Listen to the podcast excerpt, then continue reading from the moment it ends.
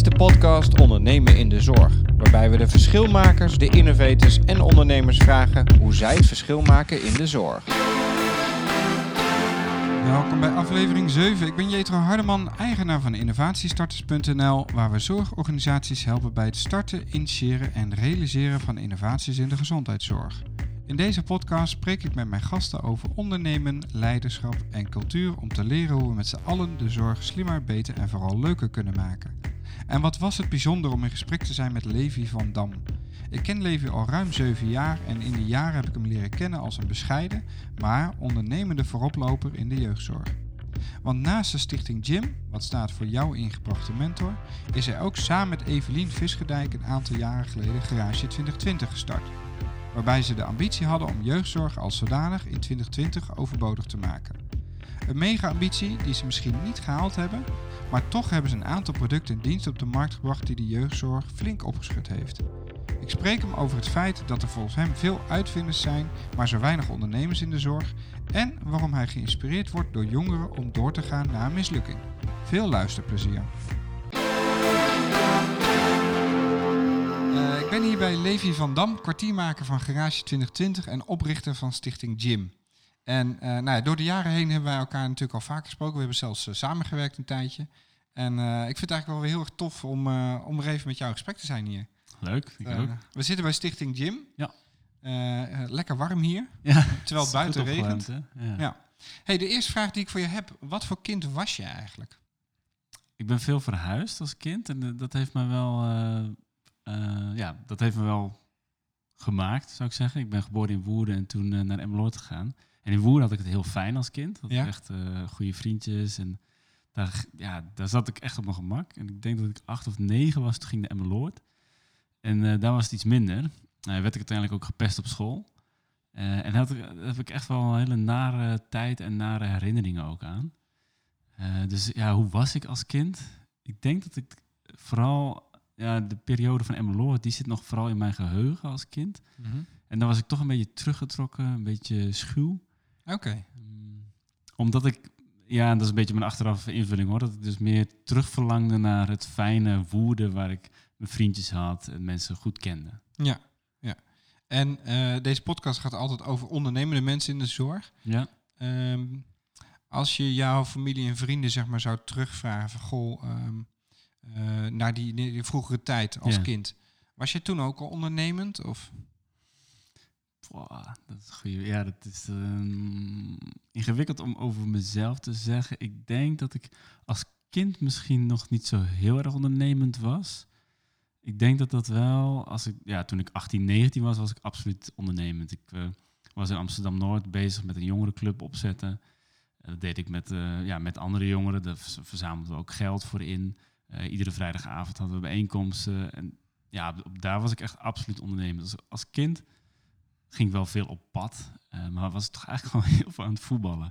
Oké. En uh, ja, voetballen was het ding. Ja. ja. En, en, waar is die omslag gekomen dan? Ik denk toen ik 17, 18 was. Toen werd ik wat serieuzer. Um, ging ik meer bezig met het geloof. Ik ben christelijk opgevoed. Hm. Daar was ik toen ook heel actief in. En ben ik ook veel gaan schrijven daarover. Nog een tijdje hoofdredacteur geweest van zo'n uh, christelijk jongerenmagazine. Oh joh. Vond ik ook heel leuk om te doen. Ja, waren ook 19, 20, maar dan waren we wel de redactie, zeg maar. Ja. En dat was super cool om te doen. En ja, daar begon bij mij wel zoiets van, wow, als je dus actief bent met iets, dan kun je ook iets vertellen en dan kun je iets op de kaart zetten. Oké. En ik denk, ja, 17, 18, daar, uh, daar kwam dat. Daar kwam er wel een beetje... Die energie los of zo. Van hey, ja, ik kan ja, veel meer. Ik weet wel dat ik ook tegen mijn uh, eerste vriendin wel eens heb gezegd: ja, dat was voor mij eigenlijk het moment dat ik voelde dat ik bewust werd of zo in, in, in de wereld. Ja. Dat ik ineens mezelf ja, merkte van oké, maar ik kan dus iets in gang zetten. Ja. En het komt niet meer allemaal op me af en over me heen, maar ik ben gewoon een actor in dit geheel. Ja. En nou ja, daar werd ik redelijk om uitgelachen toen. Zo van, uh, heb je dat nu pas? Uh, ja, ik had dat toen pas. Oké, ja. Hey, en uh, op dit moment uh, ben jij kwartiermaker van uh, Garage 2020 onder andere, maar ook dus kwartier. Nou ja, hoe zeg, ben je ook kwartiermaker van Stichting Jim? Of? Nee, medeoprichter, samen met Suzanne de Ruig. Oké. Collega systeemtherapeut met wie ik vanaf het begin eh Jim heb ontwikkeld en uiteindelijk ook eh, de stichting heb opgezet. En Kan je eh, kort vertellen wat, wat Stichting Gym is? Eh, ja, Jim staat voor jouw ingebrachte mentor. Het is een heel simpel concept in de basis, waarbij een jongere die in de knel zit, wordt gevraagd, is er een oom, tante, buur die je vertrouwt in, eh, in de ingewikkelde situatie waar je in zit? En eh, kunnen we daarmee samenwerken? En dat eh, wordt nu op allerlei plekken in de jeugdhulpverlening toegepast. Kinder- en jeugdpsychiatrie, pleegzorg. We zijn er ook mee naar België aan het gaan, naar Ierland. Dus dat is ook heel tof dat we echt daarmee verder aan, mee aan de weg aan timmeren zijn. Heet het dan nog steeds Gym of heet het dan anders? Ja, Jim alleen dan met een Griekse ei, Youth Initiated Mentoring. Oké, cool. En wat ik zelf heel leuk vind, is dat je op al die verschillende plekken ziet dat het concept nog steeds simpel en, en toepasbaar is. Ja. Eh, maar de context is iedere keer anders. Dus de plek waar je het toepast. En dan moet je ook weer nadenken over wat betekent dat daar dan. Ja. ja. Hey, en daarnaast dus kwartier maken van Garage 2020. Eh, wat doet Garage 2020 nou eigenlijk precies? Ja, wij ontwikkelen innovaties en wij proberen ook echt een beweging op gang te brengen in de jeugdhulp. Om te kijken, kun je nou op een andere manier kijken naar de bestaande vraagstukken? Is het mogelijk om dat met collega's vanuit eh, ontwerp of vanuit eh, tech, kun je dan echt andere perspectieven krijgen op, op bestaande problematiek? Vanuit het idee dat ja, de jeugdhulp is gewoon aan het uitdijen. Jaar op jaar maken meer kinderen gebruik van jeugdhulp gaat er ook meer geld naar jeugdhulp. En de roep blijft ook steeds maar dat het meer moet zijn. En wij denken dat het echt anders moet met andere oplossingen. En dat je daardoor uiteindelijk ook ja, met minder geld eh, misschien niet eens meer kinderen kan helpen. Want ik denk dat veel meer kinderen zonder jeugdhulp zouden moeten kunnen. Eh, maar wel ja, dat mensen ook zonder die jeugdhulp verder kunnen. En ik denk dat ja, jeugdhulp is in mijn beleving in essentie er voor kinderen die het ingewikkeld vinden of moeilijk hebben om aan te sluiten bij de rest van de maatschappij en alle kansen die er zijn in Nederland te benutten. En, en dat gat willen we dichten. Oké, ja. En eh, er zijn heel veel, zeg maar, eh innovatiebroedplaatsen eh, rondom je- jeugdhulp en ook allerlei projecten. Wat maakt Garage 2020 dan anders? Nou, ik denk dat wat ons onderscheidt is dat we, we zijn echt een sectorinitiatief. Dus er zijn inderdaad allerlei broedplaatsen, maar de meeste zijn ja, breder eh, of op ja, verschillende sectoren gericht. En wij komen echt vanuit onze tenen en de drive komt ook vanuit de jeugdhulp. En dat is ook onze focus. En ja, we hebben ook een hele duidelijke, ehm, ehm, eigenlijk die basis van enerzijds met mensen uit het veld, maar ook met mensen van buiten de sector. Ja, dat is denk ik ook wel een verschil ten opzichte van andere plekken. Oké. En wa- wat zegt dat dan over eh, het ondernemerschap van eh, de garagelieden? De mensen die daar werken? Zijn dat andere type mensen of Andere type mensen dan wie? dan, ehm, ik noem maar even gechargeerd, de, de andere zorgverleners? Mm, ja, sowieso zitten er mensen die industrieontwerp hebben gestudeerd of, of filosofie of ethiek. Ehm, dus in die zin zijn het andere mensen met hele andere achtergrond en, en kennis en expertise. Ik denk dat de mensen in de garage 2020, de garagisten zoals we ze noemen, dat die ook mm, nog iets meer beschouwender zijn vaak en iets meer kijken van hey, waar, waar kun je nou, waar kun je nog verbeteringen aanbrengen? En ik denk dat heel veel zorgverleners ook gewoon echt super druk bezig zijn met het verlenen van zorg. En eh, dat is ook gewoon hun core business en daar zijn ze ook goed in. En ik denk dat ja, de luxe, als het ware, die je als garagist hebt, is dat je daar ook met wat, wat afstand naar kunt kijken. En dat je vanuit die afstand ook wellicht handreikingen kan doen van hoe kan het anders. Ja, Althans, ik ervaar het als luxe. ja, Terwijl sommige zorgverleners vinden dat natuurlijk juist vervelend, want die willen gewoon aan de slag. ja. En ehm, is het dan zo dat het dus met, eh, volgens jou voor, voornamelijk te maken heeft met de tijd die je gegeven is? Of zit er ook ehm, ehm, iets in de manier van denken? Of de manier van werken? Ja, ik denk ook zeker dat er iets in, in de manier van werken zit. We werken met eh, design thinking, een beproefde methode om op, op, eh, ja, echt gestructureerd te innoveren. Mm, Maar is ook echt wel een methode waarin je iedere keer weer gedwongen wordt om te kijken naar wat wil nou precies de eindgebruiker. Eh, maar op zichzelf is dat ook niet uniek. Dat wordt op heel veel plekken toegepast. Ik denk dat mm, ja, wat ons allemaal wel bindt, is toch heel erg die missie ook van willen echt iets voor kinderen en jongeren maken. Ehm, en dat je jezelf iedere keer ook, ook dwingt om te kijken hoe kan het nou een stapje verder. En dat zit er wel bij iedereen in van het, het, het moet iedere dag weer een stukje beter. Als het comfortabel voelt, dan zijn, je, ben je, zijn jullie niet verder, ver, ver genoeg gegaan. Ja, dat en ik denk als je iedereen op de man afvraagt van ja, als, als je overbodig zou kunnen zijn, zou je dat dan oké vinden? Ik denk dat mensen dan echt zeggen, ja, dat is oké. En dan zoek ik wel een andere baan en dan kan ik wel ergens anders aan de slag. Uh, ik, ik, zit hier niet uh, voor mijn eigen gewin of voor mijn eigen baan. Ik wil echt dat er iets gerealiseerd wordt. En als dat is gelukt en daardoor ben ik niet meer nodig, dan is het oké. Ja, ja. En uh, waar ik Garage 2020 van ken, is van de, de initiatieven die gelukt zijn. Ja. Uh, daarmee ontstaat er een beeld dat, uh, dat het één groot succes is. Ja. Maar ik weet ook uit de praktijk dat ondernemen vaak ook wel uh, iets is van er gaat heel veel mis en uiteindelijk gaat er wat goed. Hoe, hoe Ja, werkt ja, dat bij ja. jullie? Ja, dat is grappig dat je het zegt. We zijn nu bezig met, met een nieuwe website. En toen hebben we er ook over gehad om een soort van begraafplaats eh, of gedenkplaats of nou ja, wat dan ook in te creëren of te creëren. Omdat er ook van alles en nog wat misgaat. En ik denk wel dat ja, wat we allemaal hebben is dat we dat ook niet erg vinden. Dat we dat gewoon een natuurlijk onderdeel van het hele proces vinden. En waar, waarom vinden jullie dat niet erg? Ja, waarom vind je het niet erg? Kijk, waarom ik het vraag is omdat de meesten stoppen dus als het mislukt. Mm. En jullie zeggen, we vinden het niet erg. Hè? Het is onderdeel van het proces. Ja, ik vind het zelf. Het mooiste is de analogie met het kind zelf. Eh, ja, is ook leren, vallen en opstaan en, en weer doorgaan. Dus eh, het gegeven dat iets niet lukt, wil niet zeggen dat, dat het niet kan of zo. Nee. En nou, daarin vind ik de doelgroep waar we mee werken super inspirerend, want die doet dat iedere dag. Ja. Ja, dus als wij dan zouden, ja, door een tegenslag zouden denken, nou, we stoppen er nu mee, dan denk ik, ja, dan, dan kijken we niet eens naar onze doelgroep. Ja. Dus dan leren wij daar niet eens van.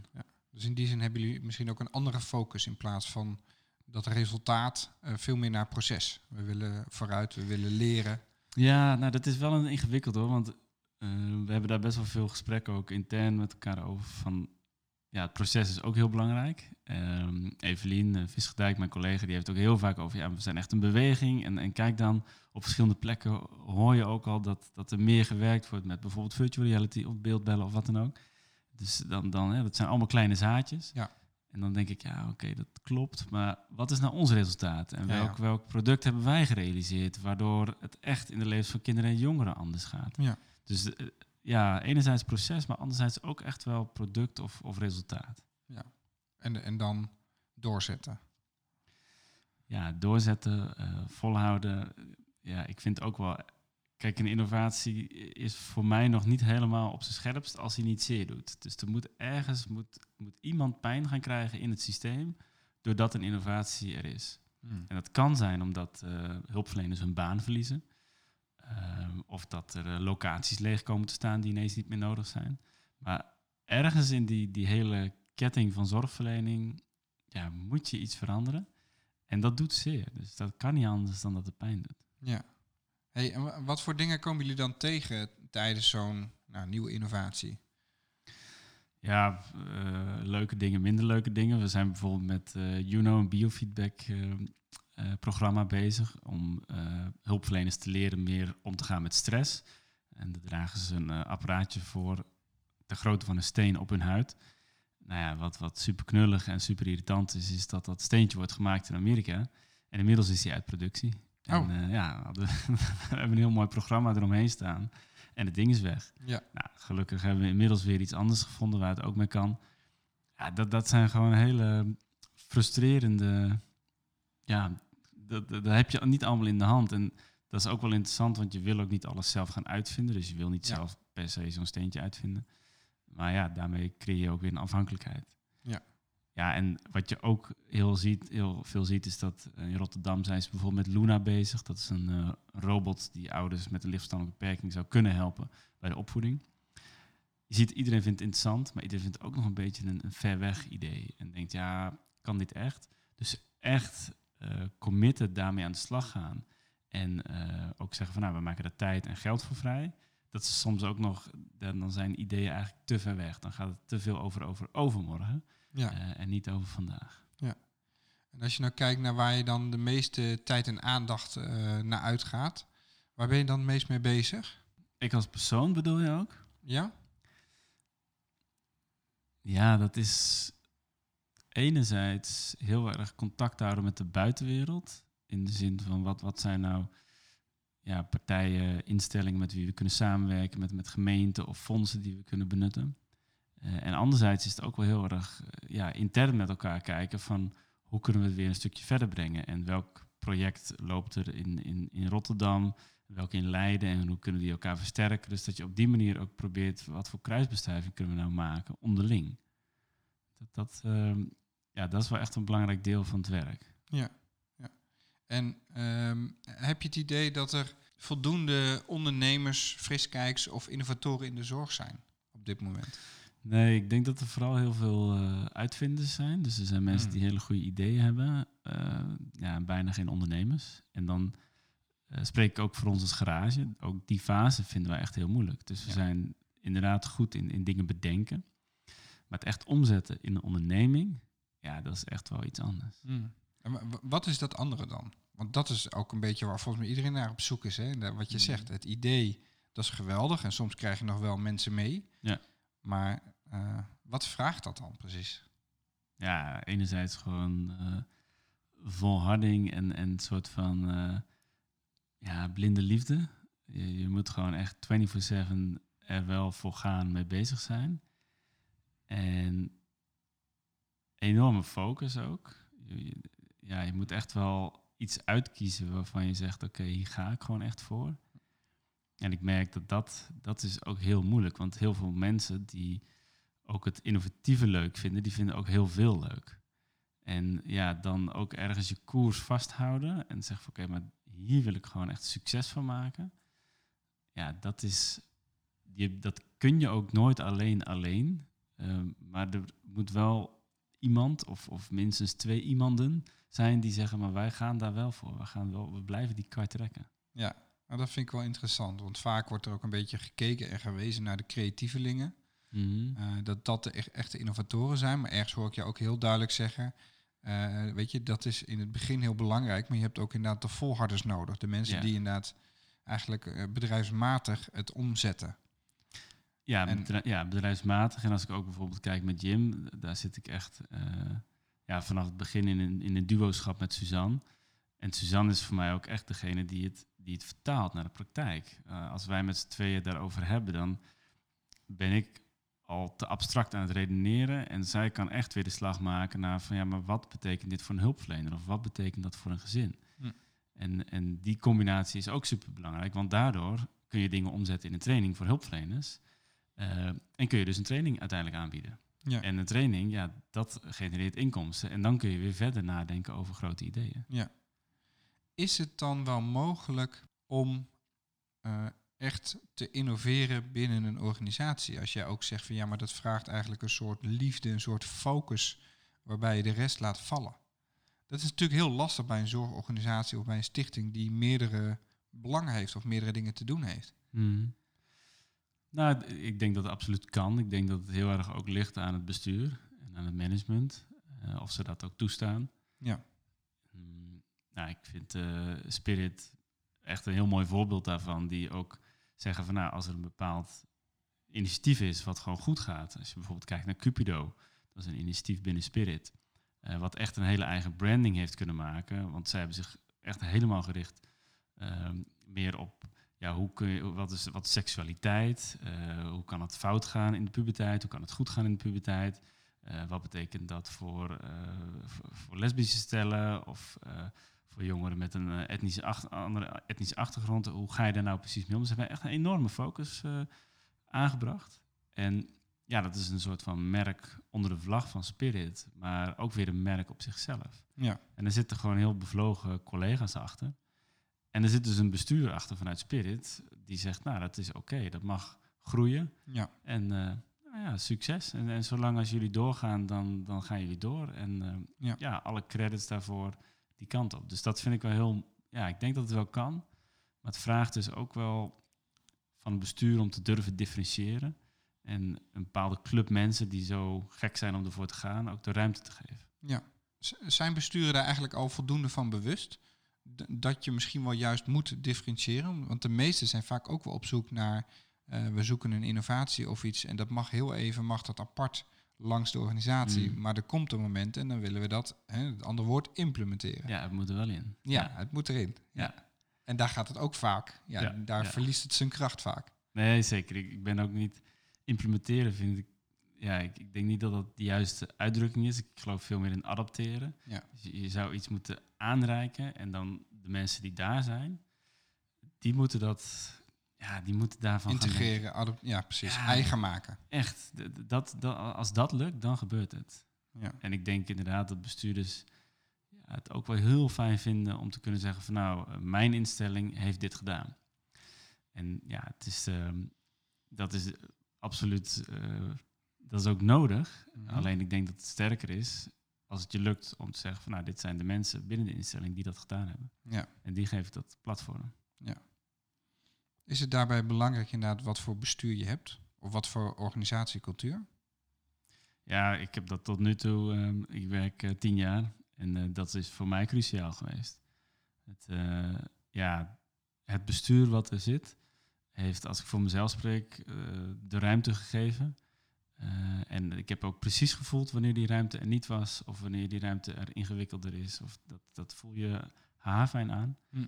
En zeker op ehm, ja, de wat meer inderdaad naast de organisatie staande positie van innovatie heb je daar direct last of profijt van. Ja. ja. In hoeverre vind jij ondernemerschap belangrijk in de zorg?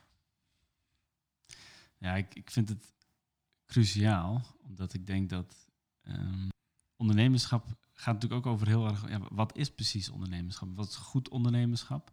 Eh, wat is ethisch verantwoord ondernemerschap? Er wordt En ook het, vaak eh, verward met marktwerking. Hè? Dat, is de, Ja. dat is de andere kant. Ja, en heel veel geld willen verdienen en Ja. een dikke auto willen rijden en al die dingen erop en eraan. Terwijl ja, voor mij is dat totaal niet ondernemerschap. Maar ondernemerschap is wel gewoon eh, dingen kunnen doen waarvan je denkt die maken impact. En doordat je dat op een goede manier doet, wellicht nog geld genereren ook, zodat je nog meer impact kan maken. En ik denk dat we daar, ja, dat we het nog steeds veel te vies vinden, dat hele woord ondernemerschap. Ik heb er zelf ook wel moeite mee hoor. Ik denk, oh ja, maar, ja wat, hoe doe je dat dan op een goede manier? En inderdaad, wanneer is het, eh, ja, wanneer is het zuiver? Maar ik denk dat we daar, eh, ja, daar staan we nog lang niet in de zorg om dat op een goede, goede manier te doen. En we komen natuurlijk ook gewoon vanuit de geschiedenis met allemaal subsidies en het, het ging maar door en het ging maar door en het ging maar door. Ja. We, we hebben ook nog wel wat te leren. In die zin, het- ik, ik zie het ook altijd als een soort duurzaamheidsdenken. Mhm. En bij een onderneming eh, vertaalt dat zich in eh, voldoende verdienen om Ja. duurzaam te blijven. Want anders ben je gewoon inderdaad een soort start-up die sterft. Ja. Dus je moet nadenken over hoe kan ik dit langdurig in de Ja. markt zetten. Ja, we hadden het over die subsidies natuurlijk, dat je daar Ja, een ja. soort van aan het vasthangt. Ja. En ja, volgens mij zitten we daar ook een beetje in gevangen soms. En dat verschilt denk ik ook nog weer per sector. Ik denk dat ehm, ja, sector als werk en inkomen of schulden, die zitten daar denk ik alweer, ja, die zijn er al meer in opgeleid wellicht dan de zorg. Ja, doen die dat anders? Ja, ik denk wel als ik naar de initiatieven. ehm, nou, in Rotterdam heb je bijvoorbeeld Heilige Boontjes. Eh, dat, dat is wel echt een eh, heel gaaf initiatief. eh, super maatschappelijk. Coole titel ook. Ja, Heilige boontjes. Ja, mooie titel. Maar echt ondernemers die erachter zitten. Ja. ja. Dus in die zin ehm, zouden we het de zorg bijna gunnen om inderdaad eh, goede ondernemers eh, in de zorg te laten werken. Eh, maar wel met de juiste ethische bril misschien wel. Of, Ja, ja ik denk dat, dat dat is wel een cruciale. Want ja, als, als je daar de plank een paar keer mislaat, Ja. dan ja, verlies je ook terecht het vertrouwen van, van de rest van Nederland. Ja. Die uiteindelijk betaalt voor de zorg die wij kunnen verlenen. Ja. Dus je moet het wel, ja, je moet het wel echt oprecht kunnen doen. Ja. En de andere kant is natuurlijk ook dat je gewoon eh, ja, een bepaalde continuïteit moet bieden, ook vanuit de overheid. Ja. Dus het hele marktdenken. eh, dat kan maar tot een bepaalde hoogte Ja. natuurlijk. Er zitten Ja. allemaal restricties aan, dus het is niet echt een marktwerking. Nee, en het is ook een idiote gedachte, vind ik, dat het, eh, dat, dat Ja. zou helpen en dat daardoor iets als pleegzorg beter zou gaan worden. Ja, dat is gewoon kant-en-klare onzin. Dat weet iedereen ook. Ja, Maar ja, op de een of andere manier zit het toch in de systemen. want dan wordt er geconcurreerd op de prijs. Ja, De aanbesteding waarschijnlijk. ja, ja, Ja. Meest makkelijke eigenlijk om op te concurreren. In plaats van op de kwaliteit. Ja, ja, Ja. Nou zie je wel een, een soort kentering daarin ontstaan volgens mij. Ehm, in ieder geval in de maatschappij. Hè, dat, dat ja, we kunnen, eh, de, de commerciële bedrijven zeg maar, kunnen niet altijd maar prijzen verlagen. Dus gaan ze juist weer eigenlijk naar voren. Zeggen ze wij gaan exclusief worden of wij bieden meer. ja, ja. Eh, zie je dat in de zorg ook al ontstaan? Of? Nee, kijk, ik denk dat je in de zorg blijf je natuurlijk het moeilijke aspect hebben dat, dat, dat de eindgebruiker heeft geen geld. Dus Nee. Het gezin heeft geen geld en daarmee eigenlijk ook geen keuze. Nee. Eh, zeker in eh, gevallen waar je bijvoorbeeld te maken hebt met wijkteams, ja, dan moet je gewoon eh, het doen met een wijkteam. Ja. En ja, succes ermee. Zou het het makkelijker maken als de eindgebruiker wel geld zou hebben, zoals de PGB? Nou ja, ik denk dat we daarmee hebben gezien hoe ingewikkeld het is. Dus ik, ik denk niet dat dat noodzakelijkerwijs een oplossing is. En ik denk ook niet dat altijd mensen daarop zitten te wachten. Eh, ja, ik wil ook zelf. Nee, dat is eh, waar, ja. ik wil gewoon naar een huisarts. Ja, En, eh, ja. gewoon als er wat is, zorg, Ja, Ja. ja. geen gedoe. Nee. Hey, ik heb jou ook gevraagd om een eh, persoonlijkheidstest eh, Ja, af te nemen bij spannend. 1, 2, 3 test. Ja, Ja. ja, ja. Ja. En je hebt zelf ook de resultaten. Ja, dus nee, is zeker, Ben je ja. voorbereid? Ja, maar jij gaat nou moeilijke vragen Ja, precies, een hele ingewikkelde vraag, ja. Nou, wat ik wel interessant vond, is dat jij hoog scoort op meegaandheid. Eh, wat betekent dat je heel graag samenwerkt en liever anderen naar de zin maakt. En ik herken dat wel, hè, dat je graag samenwerkt. Ehm, maar heeft dat ook invloed op jouw manier van werken in de zorg? Of belemmert het je misschien wel? Mm, nou, ik denk dat het, eh, ja, dat het zeker wel invloed heeft, ook in de positieve zin. Dat ik probeer toch ook te zoeken naar van wat... eh, ik weet van mezelf, ik, ik heb sterke ideeën, dus ik wil een bepaalde kant op, op eh, ja, manoeuvreren. Maar ik ben me ook heel erg bewust van, ja, dat kun je niet in je eentje. Dus je, je moet dat met elkaar doen. En ehm, ja, soms vind ik dat vreselijk frustrerend. Want ik weet, ja, alleen ga je sneller, maar samen kom je verder. Weet Ja. je? De, de- al die wijsheden. Maar ik denk dat ik er wel altijd naar zoek. En dat ik me wel, dat dat soort van trekkracht is in mezelf. Van enerzijds vooruit willen. Maar ook wel zoeken inderdaad naar die verbindenis. En ook in die end eh, door iedereen aardig gevonden willen worden. Zodat je ook iedereen meekrijgt op, hé, hey, waar gaan we naartoe? Maar hoe, hoe vind je die balans dan? Want je zegt, ik heb sterke ideeën. En vervolgens zeg je ook van, nou, ik wil het wel mensen graag naar de zin Ja. maken. Ja. Hoe doe je dat dan? Nou ja, ik kijk ook vaak heel scherp naar wat. Wie zijn er nog niet mee op een idee of op een eh, ontwikkeling? En dat vind ik dan vaak ook interessant. Want dan weet ik, daar zit, daar zit nog leren. En dat zijn de mensen bij wie ik nog, Voor jou of voor hun? voor mij, Oké. ja, voor mij. Nee, voor mij, omdat ik dan kennelijk gebeurt er nog iets in de presentatie of, of in de uitleg, waardoor die mensen denken, nee, het is nog geen goed idee. Nee, kan nog niet.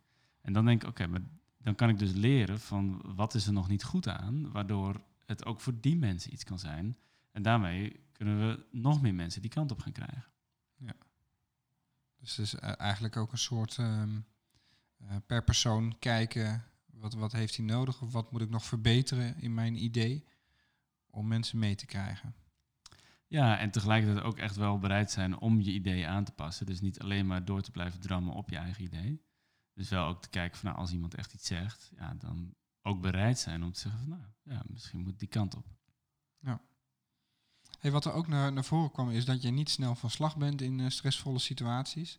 Ja, Altijd gelukkig. erg ontspannen in het, eh, in het leven Ja. staat. Ehm, werkt dat altijd in jouw voordeel?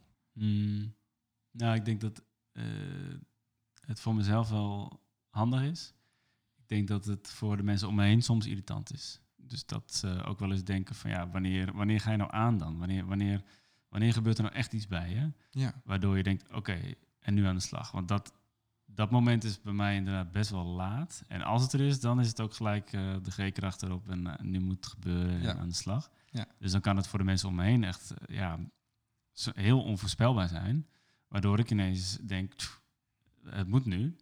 Maar dat zit voor mij dan ook, ja, dat ik het al vrij lang wel voelde, maar kon containen en dat het oké ging. En dan ineens moet het. Ja. ja. Want eh, hoe, eh, hoe, hoe werkt dat samen met mensen die wel snel in de stress zitten of in de emotie schieten? Mm, Ben je dan een rustpunt voor ze of juist een irritatie? Van ja, hey, hoor eens, eh, kom op. Ja, ik ik hoop natuurlijk een rustpunt, maar ik denk ook zeker wel eens een irritatie. Ja, ja ik, denk dat, nou, ik denk dat ik ergens wel ook een stabiele factor ben daarin. Maar ook wel eens een frustratie van, ja, wanneer ehm, snap je me wel? Want het, het lijkt niet echt aan te komen, want je blijft ja. maar rustig en eh, heb je het niet door of zo. Ja. Uit de test komt ook dat je erg eh, ruimdenkend bent en experimenteel en zelfs fantasierijk. Maar tegelijkertijd komt er ook uit dat je zorgvuldig, gedisciplineerd en een beetje workaholic bent. dat vind ik zo'n tegenstrijdigheid. Hoe- hoe- En jij hebt het ingevuld, dus blijkbaar is het waar. Maar hoe combineer je die twee? Ja, ik zeg wel eens, ik, ik eh, zit ook op de universiteit en ehm, ja, ik vind het echt heerlijk om daar een hele dag in de bibliotheek te zitten, waar eh, niemand me kent, niemand me aanstoot, Ehm, je niet mag praten en eh, ja, gewoon achter je laptop zit en een soort van, voor mij is dat bijna meditatie. Hmm. Eh, dat, dat is echt, eh, ja, even, even diep meer naar binnen keren en denken, oké, wat, wat ben ik eigenlijk aan het doen? Waar sta ik?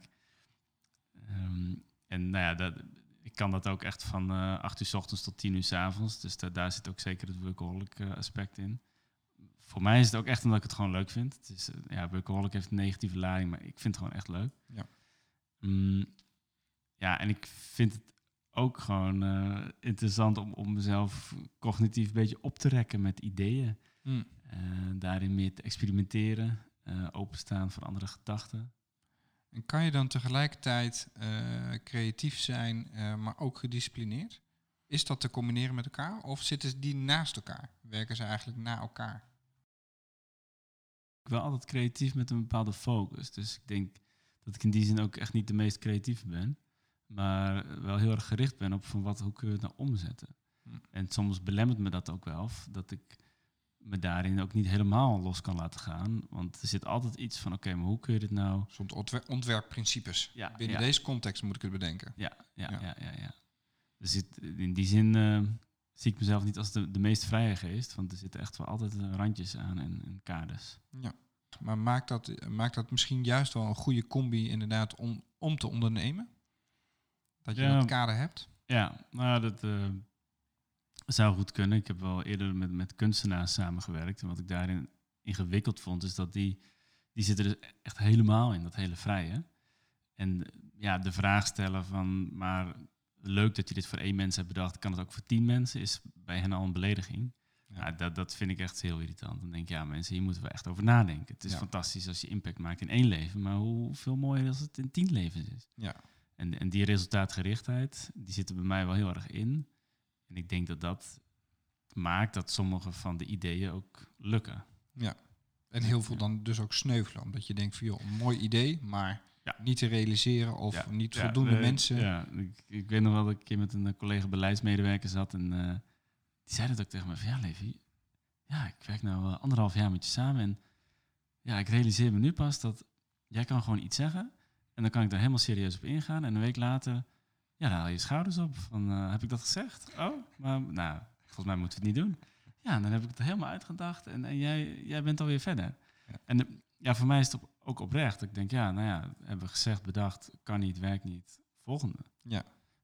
En nou ja, dat vind ik ook echt prima. En nou ja, net zo goed als dat ik na kan denken over waar ga ik naar op vakantie, wetende dat het helemaal niet mogelijk is. Ik vind het gewoon leuk om na te denken over, goh, ik zou weer naar India willen. Ja. Ja, het kan nu het echt totaal niet, maar ik vind het wel gewoon prettig om er in mijn hoofd te zijn. Ja.